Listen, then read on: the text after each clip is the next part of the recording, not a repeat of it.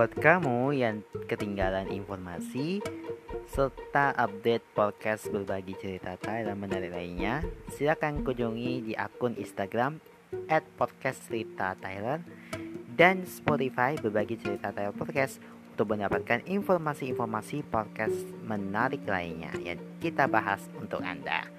Jangan lupa juga untuk selalu follow akun Instagram at mata underscore underscore dan Twitter at Demata Saputra untuk mendapatkan informasi mengenai program-program unggulan lainnya.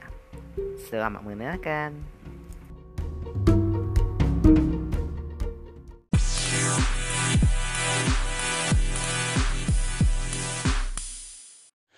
Assalamualaikum warahmatullahi wabarakatuh.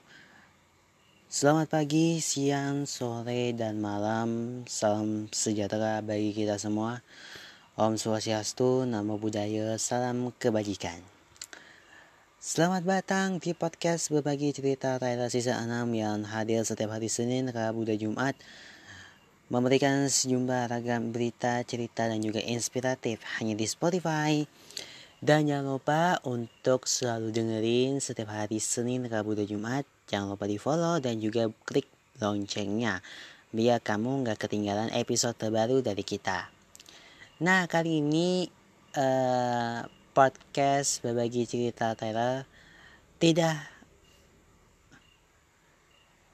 di tempat ini ya di rumah di baru sana karena kita lagi rekaman di kamp di rumah nenekku di desa Tegusan. Ya kenapa aku bikin uh, rekaman seperti ini karena aku mau cerita bareng nih sama kalian semua tentang pengalaman-pengalaman apa yang kita terjadi waktu kita berangkat sampai kita menuju ke uh, kampung sini di desa Tegusan. Oke, aku mau cerita dulu yang pertama ya. Jadi pada Rabu pagi aku sahur ya bareng-bareng ya sama keluarga. Sholat subuh di masjid yang di sana. Terus aku berangkat ke sekolah karena iki karena ini adalah hari terakhir di SMA Negeri 15 dan aku mau nyiapin uh, buku kimia sama uh, beberapa yang lain seperti uh, pesantren kilat. Jadi pesantren kilat itu agaknya lama sekitar 1 sampai 2 jam lah gitu kan pesantren kilat itu. Kita masih ilmu kepada siswa-siswanya yang lebih bermanfaat lagi sih. Habis pulang aku mau lanjutin uh, bikin ini bikin tapping. Tapi karena sempatnya mepet jadi aku harus berangkat lah ke uh, ke kampungku ya. Jadi waktu aku mau mandi mandi waktu kita tapping waktu kita upload itu jam 1 siang di hari Rabu itu melapotnya itu jam 1 siang. Akhirnya udahlah kita upload dan kita posting di live social media. Kalau kalau episode itu judulnya kalau nggak salah yang sama Cindy ya Charles itu ya.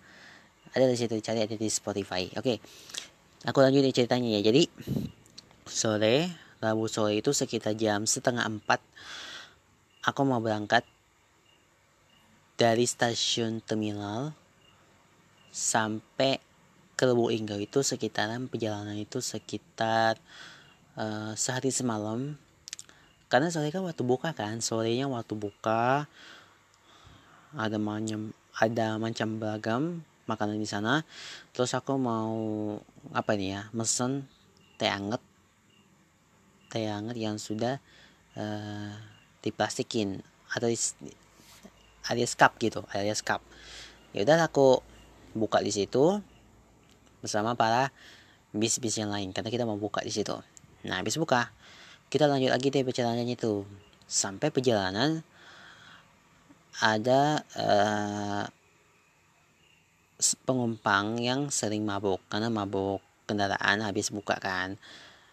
Ya untungnya kena juga ya ada mama uh, adik sama kakak. Karena abang kan kalau aku berani untuk tidak mabuk. Karena nggak selevel ya. Aku berani untuk melawan mabuk itu. Jadi oke okay, habis itu akhirnya kita istirahatlah 1 sampai 2 jam gitulah 1 sampai 2 jam tidur di bis itu sambil aku dengerin lagu juga kan gitu nyampe lah kita ke rest area yang kedua. Di pas Damasraya ya Damasraya Sumbar. Itu sekitar jam 11 malam. Kita apa namanya kita makan beli pomi di situ.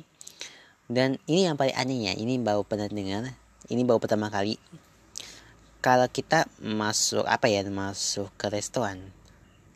Terus ada tempat sempat ada tulisan ada yang di atas itu ada musola terus jajanan di situ terus ada kamar mandi atau WC umum. Yang bawah itu adalah WC umum, guys. Jadi yang paling ini pertama kali yang membuat aku miris.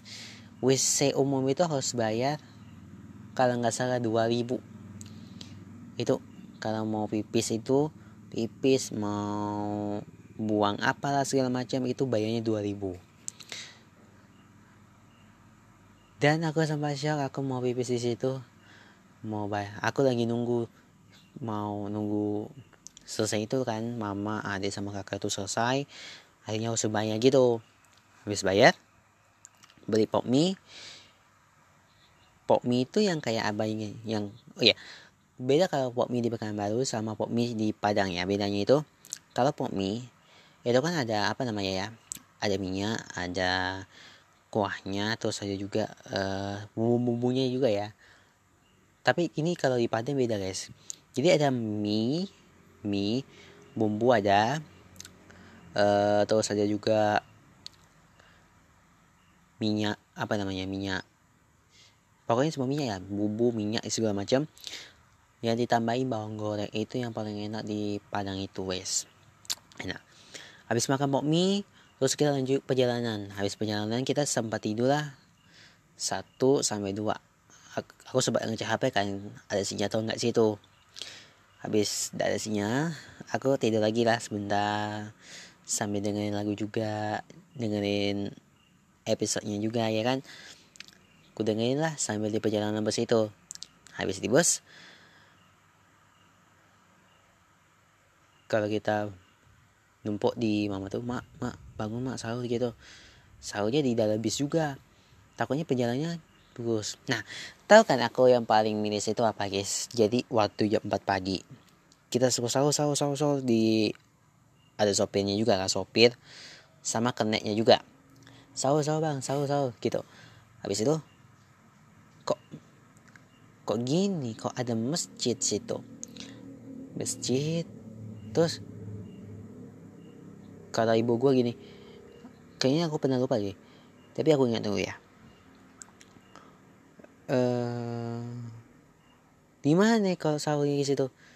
Kan sudah dikasih bungkus. Hah? Kau bilang gitu. Kata sopirnya itu kan udah dibungkus nasinya itu nasi dibungkus itu kan? Terus aku paling shock sama sopir itu. Hah? Gitu. Kayak ada loading sebentar terus hah? Gitu. Itu papa sendiri dari di restoran itu kan. Akhirnya aku panik lah. Untung aku sempat makan itu karena aku sama kakakku itu puasa. Terus ada sedikit nasi lah. Dikit-dikit lah ya. Nasi ayam nasi ayam ya kan. Terus teh terus milo ya udah niat lah gitu. Alhamdulillah puasa gitu.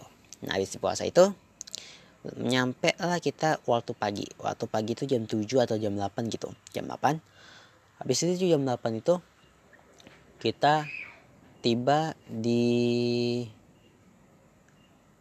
apa namanya travel gitu travel yang ada di situ.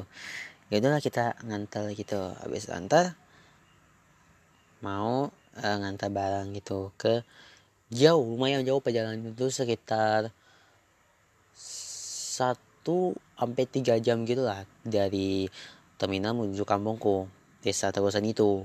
Dan itulah habis itu tahu kan yang miris jalannya? Di sepanjang perjalanan itu ada jalan yang lubang-lubang gitu. Sempat ada diperbaiki juga. Dan ini yang membuat aku sedih. Kenapa sih setiap jalan itu pasti ada berlubang gitu? Karena pas habis hujan atau segala macam atau apa gitu kan? Terus aku goyang-goyang situ. Balik kiri wih gitu kan gitu. Ya udahlah itu cerita yang itu. Terus eh, yang paling gua sedih adalah karena kan aku gak bisa ngupload ya di edisi Ramadan itu. Edisi Ramadan itu sekitar yang setiap hari lah ya jam 2 pagi. Itu kalau di kampung aku itu nggak ada sinyal. Di itu nggak ada sinyal terus Telkomsel yang sering mati hidup mati hidup. Akhirnya kita ganti kartu ganti nomor gitu. Habis ganti nomor nomor ganti kartu nah ini yang paling miris miris sekali ternyata kalau di kartu itu kan ada isinya kan ada isinya kuota atau enggak pulsa gitu kan ini kan kartu misalnya tak kartunya tak kartu SIM yang Telkom gitu kan. Tapi kartu Telkom itu yang Prabaya. Jadi kalau Prabaya itu gak ada isinya guys. Beneran kita harus beli paket. Akhirnya si temanku itu ngasih uh, 5 giga. Untung lah kita seharian tuan pas untuk 5 hari gitu. Lumayan lah sempat ke update juga kan edisi ini. Ya itu. Tapi itulah yang membuat aku hmm, makin makin enak. Tapi lumayan agak nyeselin juga ya. Tapi gue sebab kenapa sih orang itu bertanya-tanya gitu? Kok bertanya-tanya ada siapa ini? Ada siapa gitu? Dalam hati gue kayak gini. Gue harus nunduk harus malu gitu. Aduh gimana gitu? Aduh Tuhan lindungi aku gitu. Kayak gak ada semangatnya gitu. Aduh itu segala macam atau tak gimana. Tapi ya udahlah aku menjawab itu dengan nunduk alias malu. Karena pas aku pertama kali bilang anda siapa ini? gitu. Oke itu tadi yang membuat cerita aku pengalaman yang agak miris tapi menyenangkan ya. Waktu dibuka itu sempat makan-makan bersama-sama juga di rumah di situ. Tapi membuat saya tuh enak dan buka itu cepat gitu. Agak hmm, apa namanya agak gimana gitu agak kenyang gitu kan? Oke gitu sih cerita dari pengalaman aku dari kita berangkat sampai kita tiba di desa ini. Dan masih banyak sekali ya cerita-cerita pengalaman dari desa yang akan kami bawakan khusus untuk kalian semua yang lagi dengerin. Dan kita mengucapin juga ya buat teman-teman yang sempat menjalankan uh, lebaran selamat hari raya lebaran. Semoga kita semua sehat selalu. Minal izin wal faizin juga. Mohon maaf lahir dan batin. Ampuni segala dosa-dosa kami setahun yang lalu. Dan berbuatlah kebaikan di setahun yang akan datang oke? Okay? aku mau dari dulu ya tapi kayaknya harus istirahat dulu. Karena udah capek. Yuk sampai jumpa lagi di podcast berbagi cerita Thailand episode selanjutnya di desa terusan. Bye bye. Udah hari Senin, waktunya kita uh, siaran lagi. Selamat datang semuanya di podcast berbagi cerita Thailand dan kali ini kita ada di kota Palembang. Nah, sebelum aku mengecap apa saja sih pengalaman-pengalaman aku sama di Palembang ini, uh, jujur aku merasa agak susah hati karena hari Senin sebenarnya kita mau upload, ngupload ini, tapi karena kita mau panjang sih ceritanya ya, mau panjang, mau pendek segala macam, akhirnya kita mau tunda dulu untuk episode yang hari Jumat lalu. Karena kan uh, capek tuh kan segala macam. Habis ini ada cerita pengalaman hal menarik lah gitu yang akan aku bahas ini. Jadi kita akan recap dulu selama uh, hari Kamis kemarin. Jadi hari Kamis itu aku ada di kota Palembang. Hari Kamis pagi atau Kamis pagi lah kalau saya Kamis pagi. Itu kita jam 6 itu hampir di kampung. Kampung kita nyampe di, di kota Palembang tempat ini kak. Ini ingat ya. Karena kan kita uh, berangkat pulangnya itu besok. Besok hari Selasa. Hari Selasa kita besok untuk berangkat ke kota. Jadi aku ada pengalaman sedikit di hari Kamis. Karena itu kan uh, pengalaman hal yang terberat selama 10 tahun ini adalah ketika aku melihat suasana kamar ini agak jadi gimana ya shock gitu. Agak memikirkan hal sesuatu yang ingin tidak lupakan untuk tapping ini. Dan itulah rencanaku untuk di hari Kamis ini. Oke lanjut kita ke hari di mana hari Kamis ya kita nginep ya nginep di depan menuju situ.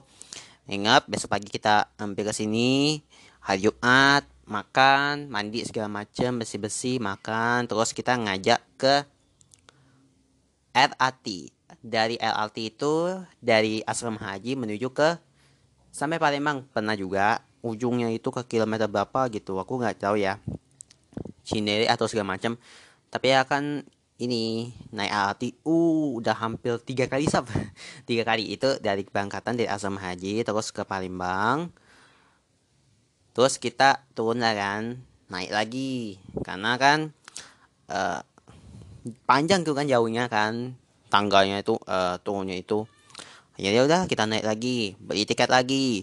Beli tiket lagi ke yang situ pula menuju ke Ampera Ampera segala macam sampai nyampe ke pasar. Nyampe ke pasar kita beli-beli nih. Beli apa sih?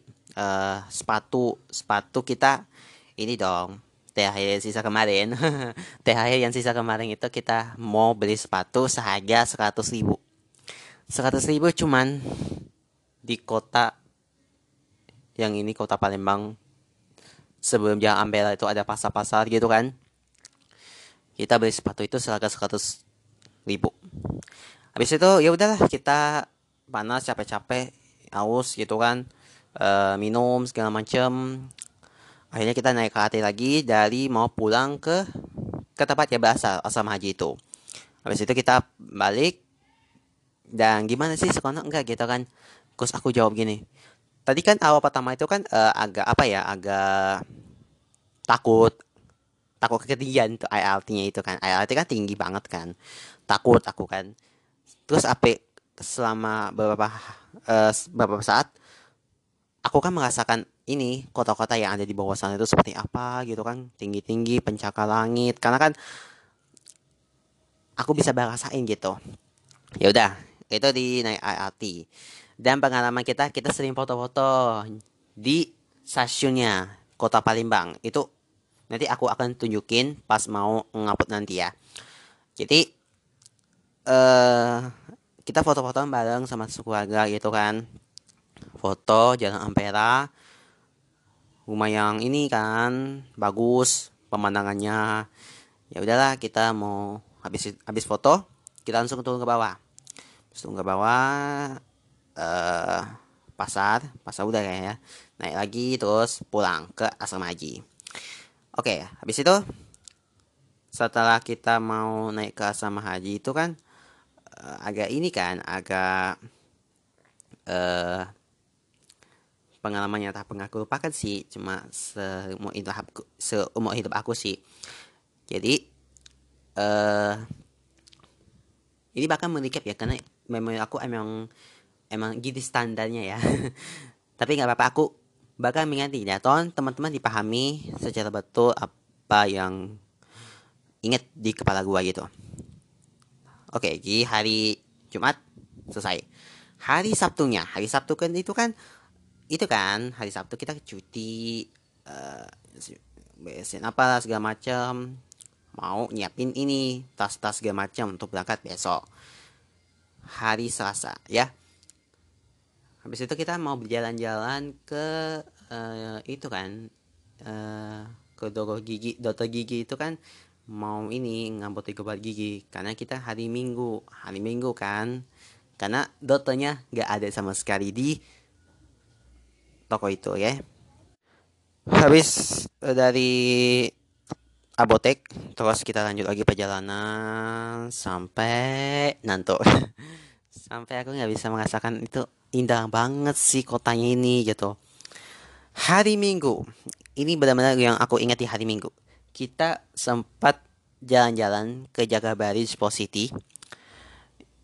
Itu kan sisi kita apa ya kita jalan-jalan aja sih ada apa namanya ada tempat peribadatannya agamanya gitu kan. Ada Islam Kristen Buddha Hindu Konghucu segala macam lah. Katolik juga ada gitu kan. Habis itu setelah kita foto-foto bareng di pura itu kan di Bali habis itu kita lanjut ke uh, yang ada sungai-sungai gitu kita mau piknik. Di piknya itu di belakang ah no no no piknik itu di belakang ada tempat yang air air itu uh, danau-danau itu kan. Stadion ada danau-danau ya. Itu aku tempat di situ. Di pinggiran di pinggirannya di pinggiran danau oke? Okay? habis itu kita jalan jalan ambil naik bis naik. Kita foto-foto kita mau istirahat istirahat karena capek. Karena kita jalan-jalan mulu nggak ada tenaga segala sekali. Ya udahlah kita duduk aja di mobil. Mobil habis itu kita ke ini jaga Sport City habis itu kita nyampe kita kita berangkat kita lagi untuk pulang pulang gitu kan nah di waktu malamnya itu malamnya itu aku sempat shock ketika ada SMS WhatsAppnya masuk dari guru aku guys. Jadi guru aku itu kita masuk sekolahnya itu jam 7 pagi besok hari Senin. Sementara kita masih di kampung, kita belum tiket. Karena tiket masih mahal, nauzubillah. Tiketnya masih mahal dan berharap aja ya, moga-mogaan tiketnya turun ya. Mohon doanya teman-teman ya, semoga tiketnya turun. Dan mudah-mudahan bisa aku berangkat ke kota Pekanbaru, oke? Okay? Tadi tiketnya mahal, terus gimana ini aku cek sama ibu wali kelas itu kan yang kata ibu itu kamu ini jangan suka menambah-nambahin ibu ya harus ada izin dari orang tuanya atau wakilnya walinya gitu kan. Yaudah aku ke situ karena belum ada tiket yang mahal gitu kan. Nih salah satu ini teman aku Sirio Sirio ini melotot karena masih di kampung. Ya aku masih di Palembang gitu kan ngantarin nenek itu. Terus yang nggak tahu kesannya aku apa sih? Karena tiketnya belum ada. Sementara kita belum ada oleh-olehnya. Dari kota Palembang dari Palembang ke Pekanbaru kita belum ada oleh-oleh. Sama ngirit duit guys karena apa aja mau beli? Susah banget minta ampun ya kan? Mana ini belum tugasnya belum siap kan gitu kan? Aku pikir ya udahlah. Akhirnya si Rio itu bilang eh jangan lupa ya oleh-olehnya ya gitu. Kok aku bilang gini aduh gimana? Lagi tuh kan. Aku pikir ini masalahnya itu nggak semana apa ya nggak mesti oleh-oleh sih yang dibawa sih. Cuma harapan itu yang mau datang ke sekolah gitu. Oke itu tadi di pengalaman di hari best hari Senin ya hari Senin hari Senin. Karena kita masih belum ada datang masih halal bihalal nggak tahu ya apa kita mau libutkan diri dulu bolos dua hari untuk tidak ke sekolah? Atau gimana sih harapannya gitu? Atau gimana sih apa sih opini pendapat kamu tentang gimana sih kita mau memuluskan dua hari untuk tidak bersekolah atau mau pulang secepat-cepatnya agar bisa masuk ke sekolah? Oke? Okay? tulis komen di bawah ya ya. Oke okay, kita mau recap hasil yang kemarin tadi. Uh, jadi aku pengalaman itu waktu uh, kita capek banget ngiring-ngiring dari jembatan Ampera sebenarnya itu karena kan macet jalan Ampera itu memang macet banget sih. Dari kilometer 12 itu sudah macet banget. Terus aku pikir dari pagi kan udah ramai lancar siang agak macet soalnya macet lagi sih. Malamnya agak inilah ya malam mingguan gitu. Macet segala macam ya kan? Itu sih yang membuat aku nyesek dan tidak bermawas diri untuk melakukan hal sesuatu sih ya udah. Apalagi ya gue ya? Uh, oh ya aku pernah sih aku belikan handset waktu aku handsetnya rusak. Jadi handsetnya itu kita mau beli ini. Mudah-mudahan ini suaranya bagus ya karena kedengaran audionya. Ini aku sebelinya itu harga 25.000 guys di kota Palembang. Kalau di Pekanbaru belum ada sih, cuma cek dulu harganya ya. Harga 25.000 itu pas sih, pas dengan suaranya pas, cuma uh, ini kedengaran pas, suaranya mantap dan juga bisa aku tag lagi ini. Oke. Okay. Terus hari Sabtunya aku foto rambut karena dari kemarin aku belum foto rambut sejak dari keberangkatan dari Pekanbaru ke dusun dusun ke dusun itu uh, minim ya pangkas rambutnya karena dulu dulunya itu minim banget terus yang pangkas rambutnya cuma satu orang kita harus antri ya udahlah akhirnya kita pulang gitu. Sebelum kita buka puasa kita beli mie ayam. Mie ayam ada di sini kan? Mie ayam.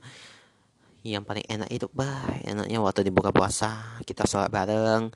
Sholat maghrib di masjid masjidnya itu di desa Tegusan yang aku bilang ceritain kemarin. Masjidnya itu desa Tegusan. Dan akhirnya aku istirahat dulu sejenak dan menikmati pengalaman apa sih yang menarik dan apa sih yang tidak pernah terlupakan selama satu minggu ini. Gitu sih di pengalaman libur lebaran yang ini. Dan ya udahlah akhirnya setelah kita uh, ini lancar semua akhirnya ya udahlah kita mau liburkan diri untuk selama dua ming dua hari karena belum ada tiketnya dan tiketnya masih mahal. Dan mudah-mudahan ya tolong. Mudah-mudahan itu turun-turun aja tiketnya turun. Supaya kita bisa berangkat lagi ke kota Pekanbaru dan bisa aku sekolah lagi. Dan aku sih ada beberapa hal yang aku gak pernah terlupakan yang gini. Pengalaman satu itu adalah pengalaman yang tak pernah kelupakan waktu kita naik naik LRT, terus juga nyemani Ampera, jembatan Sungai Musi, ada kapal-kapalnya sana, uh enaknya banget tuh kan pemandangan yang satu ini. Dan jembatan Musi itu hampir semuanya tuh macet. Dari apa tuh? Dari jalan Ampera itu udah macet, sampai di jembatan Musi udah macet banget. Karena ada motor, mobil segala macam macet sekali. Dan itulah yang bisa aku gambarkan aku share ke pengalaman ceritaku waktu di Palembang dan ini semoga bisa menjadi pengalaman yang tak pernah terlupakan atau kita harus membiasakan diri untuk tidak bersekolah selama dua hari ini karena masih ada banyak persiapan untuk balik pulang. Tapi ya udahlah. Sama mau ingat tuh juga ya ini aku pernah baca ya. Ini aku baca salah satu buku. Ada tiga sih bukunya bukunya itu ini tentang galaksi galaksi ini ini telah dibaca lebih dari 33 juta kali di web Wattpad ya galaksi dan ini menurut aku sih bukunya tuh emang galis banget karena belum tahu nih ini pinjam jadi aku baca. Ini kalau ada pembacaan-pembacaan ini kan lagi enak banget kan bisa baca lagi santai-santai sore-sore gitu kan lagi baca buku atau segala macam kalau rekomendasi buku boleh ya di sini ya di IG Twitter dan kita semua hadapin ini semua buku-buku yang kita bisa aku share kepada kalian oke sekian dulu karena aku masih ada banyak pekerjaan-pekerjaan yang aku mau take juga mau ngupload juga terus juga uh, sekalian aku berangkat dan ini menjadi pengalaman yang aku nggak pernah kelupakan selama ini oke okay? Terima kasih ya udah dengerin episode kali ini dan sampai jumpa lagi di episode berikutnya sampai jumpa Assalamualaikum warahmatullahi wabarakatuh Salam sejahtera bagi kita semua Om Swastiastu Nama budaya, salam kebajikan. Selamat datang di podcast berbagi cerita Tidal Season 6 yang sekarang sudah tayang di Spotify setiap hari Senin, Rabu, dan Jumat. Bagaimana kabar kalian? Semoga kita harapkan dalam keadaan sehat selalu, tetap semangat dalam menjalani aktivitas sehari-hari. Dan kepada kalian yang menjalankan ibadah puasa, kami mengucapkan selamat menjalankan ibadah puasa buat sahabat Tidal yang menjalankan. Semoga amal ibadah kita oleh diterima oleh Allah Subhanahu wa taala. Amin ya rabbal alamin. Nah, kali ini kita mau membahas kejayaan di tahun 2000-an, guys. Jadi itu menjadi suka guga suka dan duka pengguna ponsel di era 2000-an yang tak tidak dirasakan oleh generasi zaman sekarang ya. Karena setiap zaman pasti emang ada pengalamannya sendiri. Nanti 20 tahun lagi pengalaman pakai HP juga bakal beda ceritanya pasti ya. Nah, yang pertama nih, harga ponsel terasa mahal guys. Jadi kita memasuki awal 2000-an, itu harga ponsel itu terasa sangat mahal loh. Walaupun ya fiturnya itu SMS ya cuma telepon doang. Contohnya ini ada Nokia 3210 yang harganya kala itu sekitar 1 jutaan di tahun 2001.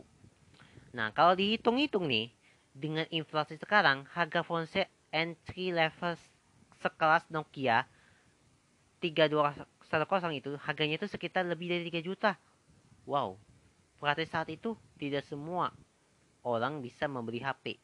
Di awal 2000-an, hanya segelintir siswa ia membawa HP ke sekolah, memasuki pertengahan di, dan akhir 2000-an. Berulah HP menjadi barang yang umum dan dibawa ke sekolah. Kartu perdana mahal. Jadi, kalau kita membahas nih, kartu perdana operator zaman dulu memang mahal ya guys untuk si Pati. Saat itu harganya itu 200 ribu. Dan Mentari, sebelum kita jadi Indosat ya, Mentari dulu. Ya, Mentari dulu sebelum jadi Indosat ya. Kalau mentari itu harganya itu 150 dengan pulsa terisi 50 ribu. Ya membuat kartu perdana zaman dulu terasa eksklusif. Saat itu tarik telepon juga cukup mahal yaitu sekitar 300 menit. 3000 per menit gitu. Kalau semua operator bisa lebih murah sih. Tarik SMS kali itu 350 per SMS itu menjadikan SMS itu sebagai telekomunikasi yang terasa sangat canggih dan menggantikan pagar yang masa pakaian itu saat itu sangat singkat guys. Ponsel dengan multimedia dianggap mewah. Di awal 2000-an punya ponsel monokrom saja sudah terasa bangga ya, apalagi punya HP yang lain dengan fitur tambahan seperti layar berwarna, nada polynomial, punya kamera, game, Java, sampai ada fitur GPRS. Kalau itu memiliki HP Nokia dengan OS 9 adalah salah satu kebanggaan dan didambakan oleh orang yang ponselnya itu masih monokrom atau hanya SMS dan telepon saja. Ponsel seperti Nokia 6600 ini saat itu menjadi impian setiap orang yang ponselnya masih Nokia 3310 atau 3315 fiturnya sebelum ada Bluetooth dan Wi-Fi memindahkan data seperti foto dan lagu itu adalah menggunakan inframerah alias infrared. Membutuhkan waktu yang lama juga loh untuk memindahkan lagu dari perangkat satu ke perangkat lainnya dari kedua perangkat harus saling berdekatan memindahkan satu lagu saja lamanya bukan main guys nah itu tadi nih zaman dulu kita waktu uh, eh, SMS dan telepon-teleponan. Kita lihat dulu kata komentar. Nah, kalau kata mereka ini, dulu tiap bulan selalu beli majalah pulsa mantau perkembangan HP, tapi nggak gaya beli. Wajar sih ya kalau ada uh, dulu tiap bulan itu selalu beli majalah pulsa ya atau majalah handphone. Dulu dulu mantau perkembangan HP, tapi nggak nggak beli gitu. Nah, ada juga nih, yang penting nggak nanggap pengalaman zamannya selalu yang terbaik hingga overflow. BTW, generasi Z pernah loh ma maske HP ginian. Mereknya ini pas itu masih SMP atau SD akhir. Iya seperti BB, Nokia, Sony Ericsson, mungkin jarang ya, karena zaman udah lebih modern dikit pas itu. Tapi Hasneri ya itu sebenarnya sudah pernah pakai fan Nokia dan BB pas waktu SD kelas 6 waktu walau pas itu masih tabu kalau bawa ke HP ke sekolah. Ada lagi nih, zaman kuliah 2005 itu ngumpulin tabloid pulsa berkas buat air shopping karena nggak mampu. Yang penting ngikutin teknologi ya, ingat banget kemunculan kemunculan perdana Android di HTC Dream G1. Wow. Nah, Amin itu dulu HP masih zaman mahal. Orang tentu, tertentu nih yang bisa pakai internet pun masih sedikit. Pada saat Mentari adalah perdana paling mula pada saat itu. Yang sekarang berubah HP lebih murah, lebih banyak internet di mana ada Indonesia pada saat itu masih terbilang. Tapi sekarang Indonesia udah mulai internet dan HP-nya banyak. Itu sih pengalaman atau beda cerita di zaman 2000-an gitu ya.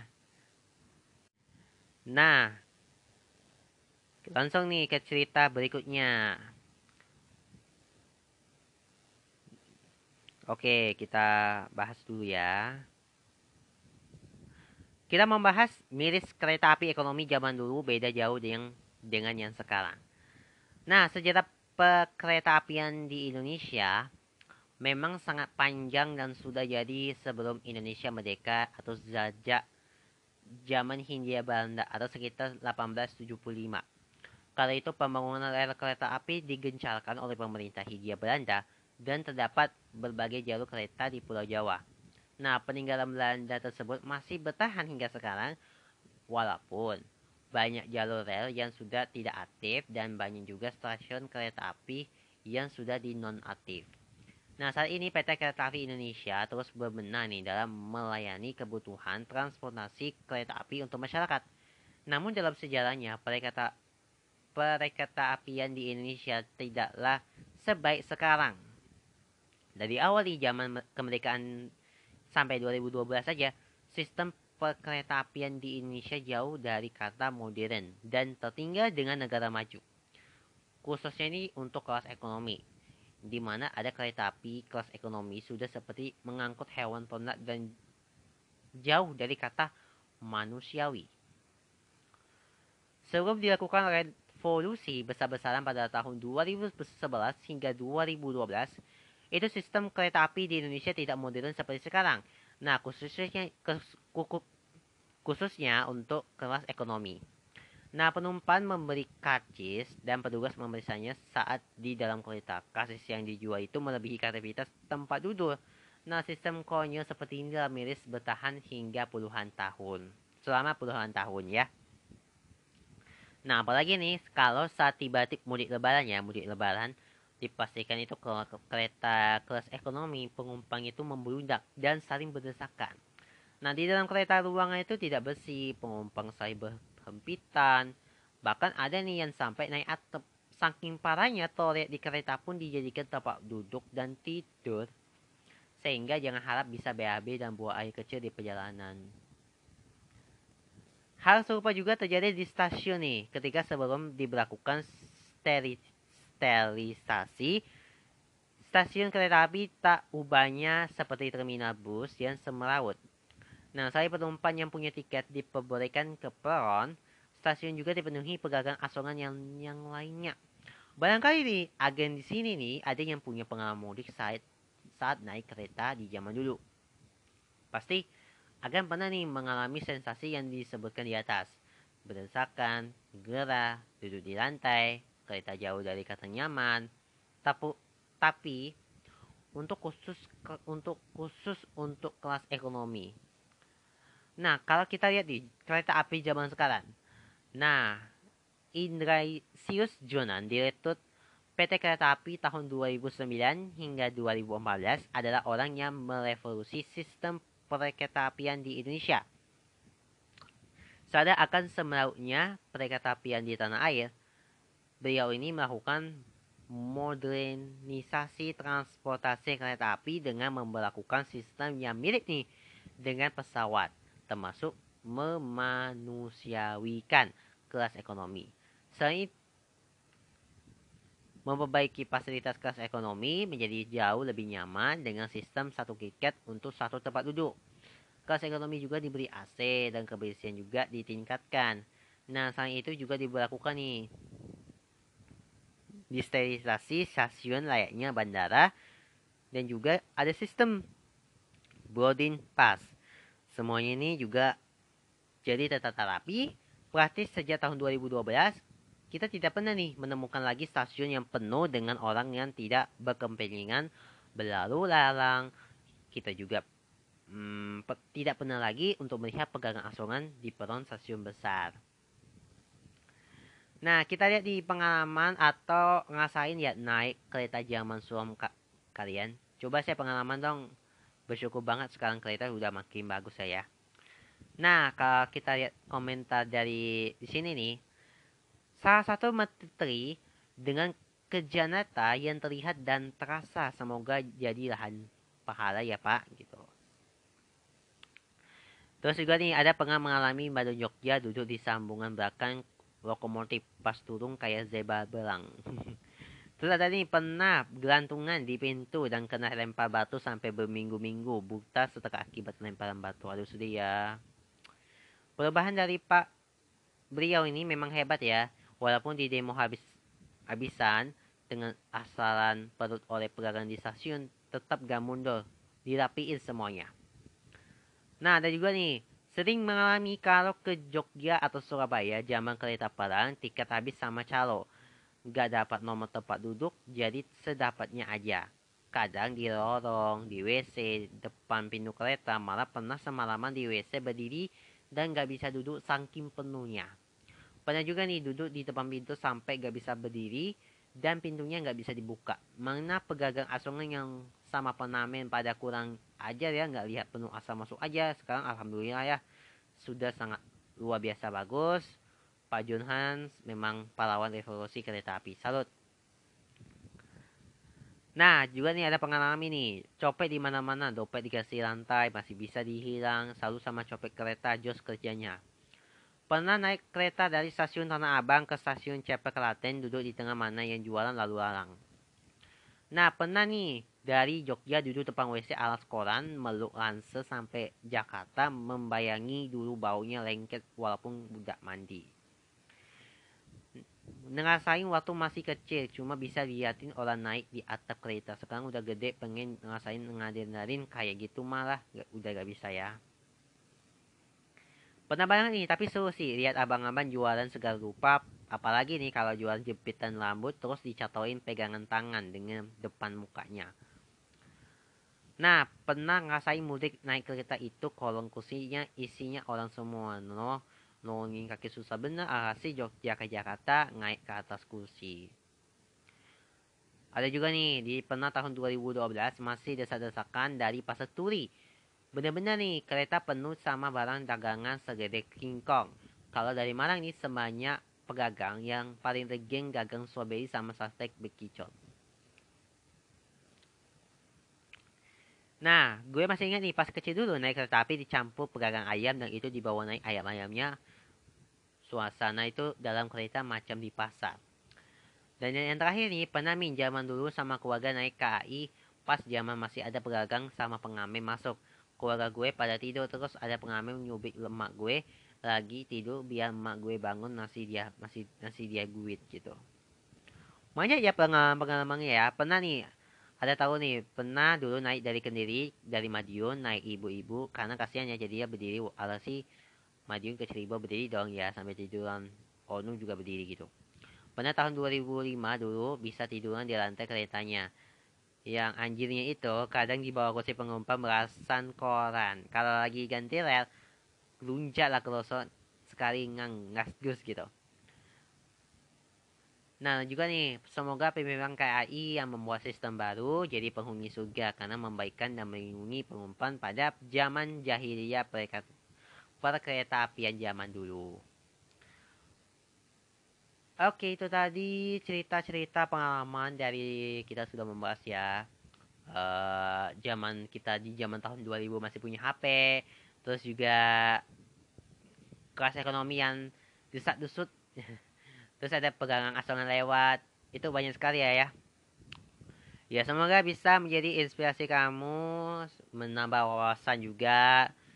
Terus juga menjadi nostalgia bareng ya sama-sama kita karena kita mau ngingetin nih, jangan lupa untuk selalu tetap menerapkan protokol kesehatan di mana pun kalian berada, menggunakan masker, menjaga jarak, mencuci tangan sabun, di air mengalir, menjauhi kerumunan dan membatasi mobilitas dan juga interaksi. Dan jangan lupa nih, kami segenap podcast berbagi cerita Tyler ingin mengucapkan selamat menjalankan ibadah puasa bagi umat muslim yang menjalankan. Semoga puasa kita diterima oleh Allah Subhanahu wa taala. Dan jangan lupa nih untuk follow aku Instagram, Twitter dan juga Instagram biar kamu nggak ketinggalan episode barunya. Dan sampai sini dulu ya episode kita kali ini. Saya Marga Saputra dan teman Tyler King pamit undur diri. Dan sampai jumpa lagi di podcast berbagi cerita tentang episode selanjutnya. Selamat menjalankan ibadah puasa. Bye-bye.